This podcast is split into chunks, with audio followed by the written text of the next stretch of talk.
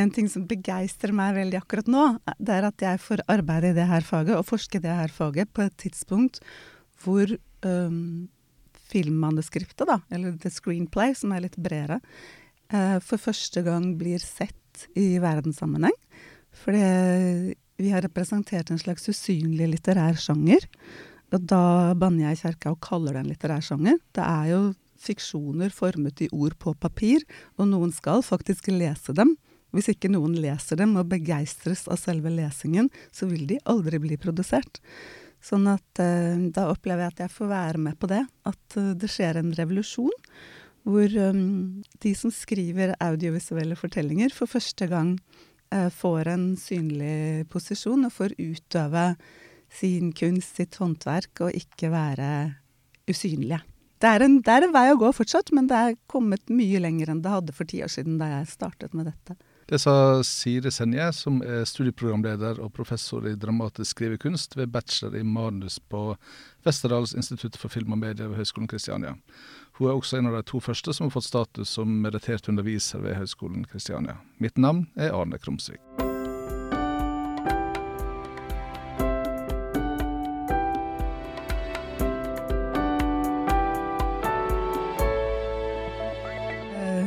Interesse for skrivekunst og for fortellerkunst, kanskje aller mest, den går helt tilbake til barndommen.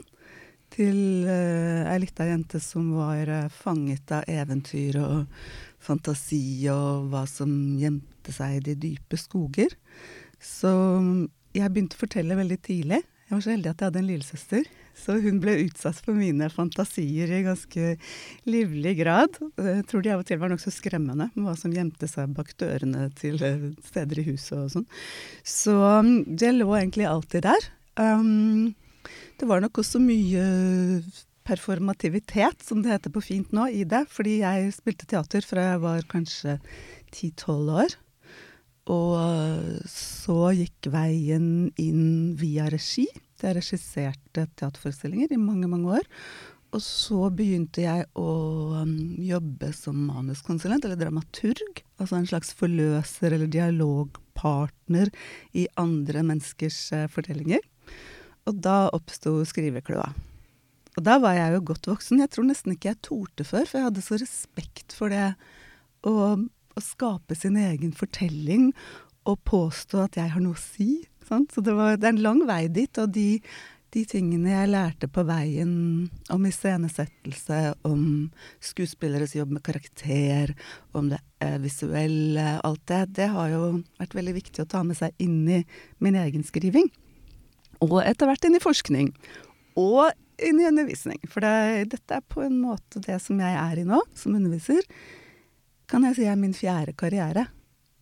Men alle fire har handlet om historiefortelling. Så jeg kom aldri Altså, jeg stoppet Eller det er en veldig dyp um, Hva skal jeg si Altså, fortellerkunsten ligger menneskenes hjerter og nervesystem så nær. Vi har alltid holdt på med det, ikke sant? Alle har hørt om liksom, leirbålene sånn. Hvem er dagens fortellere ved leirbålet? Jo, det er naturligvis seriedramaforfatterne, og så videre. Så det jeg tror at det er en så dyp og viktig del av menneskets selvforståelse um, at uh, det slutter aldri å fascinere. Dine studenter de må jo sende inn eh, opptaksprøve for å få lov å komme inn på studiet. Hva er det dere ser etter når dere skal velge hvem som skal få lov å, å ta dette faget? Åh, jeg elsker det spørsmålet der. Fordi at det er så nærliggende å tro at vi ser etter gode tekster. Det er altfor enkelt. Og jeg vil si at det jeg, jeg ser etter, og også de i min komité, for jeg legger jo noen føringer, det er egentlig stemmer og tekster som du opplever er bebodd av et menneske som har noe på hjertet. Og de kan godt være håndverksmessig ganske svake, og strukturelt ganske tulte. Eh, men den opplevelsen av at det bor noen der inne som har et uttrykkspress, det står helt sentralt. Så mm, det er jo to fiksjonstekster de leverer, da. Én eh, dramatisk og én fortellende. Og så er det én tekst som jeg innførte i fjor, som heter 'Hvem er jeg som skrivende menneske?' Før så var det en sånn vanlig motivasjon, sånn hvor ser jeg meg selv i bransjen om fem år, og alle skrev at da skriver jeg den nye store serien og sånn, for Netflix. Men nå har de blitt penset over på et mye mer personlig spor. Så under siste opptak så var den teksten veldig viktig for oss, faktisk. Fordi mange, mange bare fordypet seg i den. Og begynte å gå i seg selv og lete etter sin egen Altså hva som var indrestyrt i dette. Ikke sant? Ikke et ønske om å bli den neste Charlie Kaufman og bli berømt, men, men et ønske om å fortelle noe om menneskenes kår på jorda. Dette blir jo en slags form for talentutvikling, da. Hvordan tar du disse talentene videre? Ja, det er et stort spørsmål. og det, um, det som preger en sånn linje, er jo for det første at vi kan jo ikke ha veldig mange. Ikke sant? Det er ganske, um, det er ganske avhengig av at hver student blir sett, og at i tillegg til å lære et håndverk, så arbeides det jo med å utvikle disse stemmene. Sånn at de som kommer ut, ikke er liksom 15 kliss like folk som kan et håndverk, men at de er særegne og spesielle og at de bachelorprosjektene um, som de leverer, er veldig forskjellige og ganske unike. Så det er en stor utfordring, faktisk. Og det, det er jo noe jeg har um, balt meg og utviklet over, over, fire år. Og synes at vi har funnet noen modeller for det nå, da. Um, vi har jo en slags stall av profesjonelle hos oss. Uh, de færreste av dem jobber der fulltid, for de er jo aktive, de skriver selv. Og de er en slags eh, mentorer, veiledere, i skriveprosessene. Og så prøver vi alltid å matche, sant. Men så jobber jeg også med at ok, nå har hun hatt meg to ganger. Nå skal hun ha Ole Kristian Solbakken, og nå trenger vi litt motstand her eller nå. ikke sant? Vi, vi, tilpasser det hele tiden sånn. Det kan du naturligvis ikke gjøre med 200 studenter. Så det, jeg tenker at det er på et ganske høyt og tilpasset nivå av skreddersøm. Og så er det jo også sånn at den typen dialogisk utviklingsprosess, det er ikke noe man driver med bare på en skole. Det drives med også i bransjen. Sånn at ved å utsette dem for disse forskjellige stemmene og feedbackgiverne, så trener vi dem også i å kunne eksistere i en bransje hvor du egentlig fort blir bombardert fra fem, seks, syv, kanskje flere forskjellige mennesker um, som du må respondere på i den fiksjonen du skriver. Du har jo utvikla dette studiet fra, fra grunnen av. Mm. Eh, hva slags byggesteiner var det du så som måtte være med? Um, å, det er mange. Men det er kanskje Måten det først og fremst er bygget opp på, er sjangre. Um, det, er en type struktur som er fra kort til langt. Så de skriver først ti minutters ting, og så skriver de i tredje klasse egentlig kanskje litt for lange ting. Begynner å ligne på en masteroppgave. Da skriver, leverer de jo mellom 80 og 100 sider. Så det er størrelsesstruktur. Og så er det en sjangerstruktur, hvor de skriver seg gjennom forskjellige audiovisuelle sjangre. Og de, dem blir det stadig flere av. Så, så, de skriver for kortfilm, de skriver serierama, de skriver spillefilm, de skriver tekst for teater. Og det siste vi har innført nå, nei, det nest siste, faktisk. Det siste nest siste er um, å skrive for spill. Altså det som kalles multitrådede fortellinger, ikke som ikke er bare én slutt på, men som er kanskje ti. Og så har vi innført podkast, altså lyddrama, som vi kaller det. Som jo er en skal si, Det er en litt ny versjon av det som het radioteater i gamle dager, hvor du er litt friere. Så um, tanken med det, at de skal skrive for så mange sjangre, det er jo Den er jo veldig pragmatisk. Eh, de skal ut i en ekstremt kompetitiv bransje. Dette er jo et hot, populært fagområde nå, ikke minst pga. det internasjonale seriedramaet, streamingen. Så vi vil gjerne utruste dem med mange verktøy, og at ingen av dem skal være smalsporede Arthouse-kunstnere som sier nei, jeg skulle være spillefilm, jeg, helst skal den gå på Gimle. Så det går ikke. Eller du kan godt gjøre det, men da må du jobbe på posten ved siden av. Så vi er ganske realistiske uh, når det gjelder å, å, utstyre dem for et arbeid. Mm. På en høgskole driver vi med forskningsbasert undervisning. Mm. Hvordan foregår det innenfor ditt fag? Ja, det er jo noe man må oppfinne underveis, ikke sant. Fordi for det første så arbeider jo jeg, jeg har arbeidet med film og teater de siste årene, nesten bare med film. Og der er det ikke noen forskningstradisjoner. Så det, der er man helt sånn, går og tråkker opp helt nye stier. Men da jeg holdt på med mitt doktorgradsarbeid, så var jeg griseheldig. For akkurat da jeg var inne i den loopen, så begynte det som heter screenwriting research å bli ganske stort. Altså stort og stort, fru Blom, det er jo et lite felt, men det er aktive mennesker nå og i alle verdensdeler som jeg møter på konferanse årlig, som driver med det. Sånn at uh, mitt doktorgradsarbeid er jo i screenwriting research. Um, og jeg er en av de første som har begynt å skrive om sjangeren. Og da jeg begynte å arbeide her for fire år siden, så var jo naturligvis det var vanskelig å få rom til den forskningen innenfor en så krevende stilling. ikke sant? For det er ikke bare vanlig å drive et program. Du skal lage det, drive det og utvikle det. Det er liksom tre ting. Så jeg var egentlig tre personer. Men den opplagte løsningen for meg var jo da å arbeide med studentene mine, og inkludere dem i det. Og det, det var um, nærliggende fordi min forskning allerede var fokusert på kreative utviklingsprosesser. Sånn at det, det jeg hadde skrevet til doktorgraden, var jo en analyse av to kontrasterende skriveprosesser jeg selv hadde gjort. Og jeg hadde funnet fram til noen verktøy og noen alternative måter å jobbe på. Uh, som var veldig nærliggende å prøve ut med mine studenter. De virker for meg, virker de for andre. Og, um, så det har jeg gjort. Um, det er et toårig forskningsprosjekt hvor jeg har arbeidet med til sammen sju studenter og deres uh, lange formatdrama.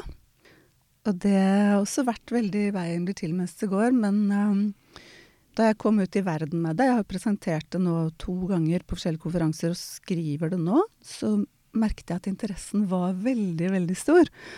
Og kanskje ikke primært fra akademikere, men fra um, profesjonelle som underviser i screenwriting, manus, og fra um, forfattere. Som, ja, som kanskje følte seg veldig sett, og som følte at uh, det ble satt ord på prosesser de hele tiden var i, og som hadde vært usynlige. Så det har vært en veldig, veldig spennende reise også, å, å jobbe med de studentene. Og eh, både i utviklingen av verkene og i liksom poetikken, altså sette sammen hvilke virkemidler. Hvor er du i prosessen nå? Hvor lenge kan man være i kaos før man begynner å strukturere? Eh, hvilken, tar du sjansen på at de skal få være i kaos i tre måneder og bare sitte og improvisere før de strammer det til og skriver et synopsis? Som jo er noe bransjen vil kreve. ikke sant? Det er synopsis fra første dag. Hvis du ikke veit hvordan det slutter, så veit du ikke noe. Sant? Mens min arbeidsmetode har jo vært nei, du veit ikke hvor det slutter. Du starter nesten med et spørsmål. Sant? Denne karakteren opplever dette. Ok, han kjører over et lite barn på veien. En toåring. Eh, hvordan går det med han etter det? Det, det, ble faktisk til en Wim Wenders-film. Det er ikke mine studenter som har skrevet, men en av de jeg har jobbet med som har skrevet. Og det er jo det er en utforskende tilnærming til fortellerkunst som ligner på den utforskende tilnærmingen man har som forsker. ikke sant? Så det er mange paralleller her. og ja, Så det mm, har vært en utrolig spennende reise. Jeg sitter jo og skriver det ut nå, så jeg vet ikke den, hva den neste reisen blir egentlig. Da, for jo, det tar lang tid, sånne ting. Så jeg sitter og jobber med det nå. Mm. Du er en av de to første som har fått eh, status som eh, merittert underviser ved Høgskolen Kristiania. Jeg gratulerer så veldig mye med det. Tusen takk. Eh, hvordan opplevde du prosessen fram til, eh, fram til det? Ja, um, nå er dette noe nytt, og så vidt jeg forstår kommer det fra aller øverste hold, fra departementet, at undervisning skal løftes og sidestilles med forskning. Og det, um, det ble jo lagt veldig klare føringer fra skolens side på hva en søknad skulle inneholde og legge vekt på. Jeg tror det var i alt 16 kriterier. Det, var ganske omfattende. Um, jeg kan si at det var et blodslit å sette sammen en sånn søknad. Og mange ganger underveis så tenkte jeg hvorfor gjør jeg dette? Og så gikk det langsomt opp for meg at jeg gjorde det fordi at uh, den prosess, eller alle de prosessene jeg har vært igjennom med å bygge et program, forske med studentene, uh, finne ut av hvordan det er å drive talentutvikling, sette ord på det, at alt det var på en måte usett. Det eneste man ser er at det finnes et sånt program, og der er det noen kule studenter som går ut, og mange av dem får jobb. Men alt som er bak det, er usynlig. Og det jo, skjer jo veldig mye viktige oppdagelser og utvikling av ny viten underveis i en sånn prosess. Sånn at det å bli avkrevet å sette ord på det, det var jo egentlig en helt fantastisk utfordring. Så jeg kommer til å bli en sånn apostel på skolen nå som sier 'søk merittering'. Fordi du, det tvinger deg til å bevisstgjøre din egen undervisning. Din egen motivasjon for undervisning, din relasjon til studentene. Hvorfor du gjør slik og slik. Nå hadde jo jeg i forkant tatt uh, høyskolepedagogikk. Og det var en forutsetning, egentlig. Fordi jeg har jo undervist egentlig hele livet uten å ha hatt en sånn bevisstgjøring av metode. Jeg hadde vel en aning om hva jeg drev med, men, men jeg var nok mye mer entertainer før jeg liksom begynte å undervise i større sammenhenger. For det er lett nok når du kommer et sted i to uker. Da er du liksom en gave utenfra. Og du har veldig mye gående for deg automatisk. Men det å bygge programmet og jobbe på heltid var jo en helt annen ting. Så, så det den prosessen har gitt meg, um, er ekstremt verdifullt. Faktisk så leste jeg gjennom søknaden da jeg fikk vite at den var innvilget eller utpekt eller var innstilt. Så leste jeg gjennom den, og så tenkte jeg oi, ja! Disse tankene har jeg tenkt, og de er jo veldig, veldig viktige for meg.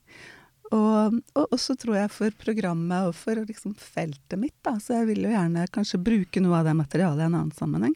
Faktisk, nå er jo dette med manus veldig synlig i mediebildet akkurat nå.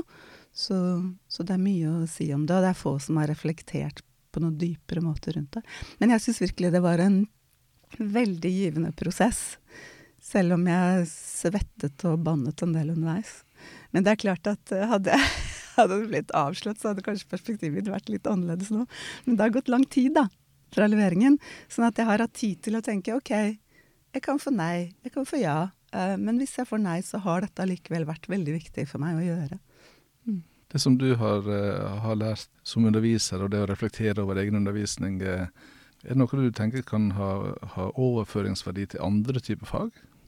Ja, dypest sett så tror jeg jo at det å, å overlevere kunnskap, eller hjelpe andre å utvikle ferdigheter, altså læreren, er, det er noe av den samme essensen i alt sammen av det. Ikke sant? Og det, ja, så det tror jeg helt klart at det har. Nå kan du si at en kunstutdanning er jo noe eksklusivt på mange måter. Vi har ikke forelesningssaler med 200 i, hvor det naturligvis er umulig å se den enkelte. Men jeg er helt sikker på at det er mye som har overføringsverdi, ikke minst forskningsbiten. Eh, men også en del av de mer tradisjonelle pedagogiske verktøyene, som det å skape et godt klasseromsklima, um, variere og prøve ut vurderingsformer, altså den typen ting. Som, dette er jo ikke noe jeg har oppfunnet, dette er noe jeg har lært her. Så, men ja, dypest sett så tror jeg det er eh, en, at grunnsituasjonen er jo det. Å overlevere kunnskap. Og det, eh, det er en logikk for meg i å gjøre dette som karriere nummer fire. Jeg kunne aldri vært en sånn lærer som jeg er nå, for 25 år siden. Det er en livsfaseting òg, og det henger kanskje sammen med kunstfag, for der har det jo alltid vært en sånn tradisjon, ikke sant, med noen mester og noen svenner og noen lærlinger og noe greier, ikke sant, som, som har vært ganske nær kontakt. Nå har liksom mesterne vært noen uh, slue rever som ofte stjal sine lærlingers arbeid og den type ting. Det, det lar seg ikke gjøre her. Så, men ja, jeg tror, mange, jeg tror at jeg står i en lang, århundrelang tradisjon, egentlig. Så, og det med å sette ord på hva talentutvikling innebærer, det er jo et helt ferskt felt. To av mine kolleger på et annet institutt har jo nettopp utgitt en bok om det. Og jeg tror mitt neste prosjekt kommer til å handle om spesifikt om talentutvikling og hva det er, og hvorvidt det er muligheter her på vår skole for å utvikle et senter, kanskje et ja, sånt senter som vi drømmer om, for um, for fremragende undervisning nettopp omkring det med talentutvikling. Og um, går det an å gjøre det uten at det blir så grenseløst kostbart og eksklusivt at du kan ha to studenter i året? Men sånn tror, jeg tror vi har funnet modeller for måter å gjøre det på som faktisk ikke er så kostbare. Og de handler veldig mye om uh, at vi arbeider i grupper hvor studenter uh, bruker hverandres uh, tilbakemeldinger.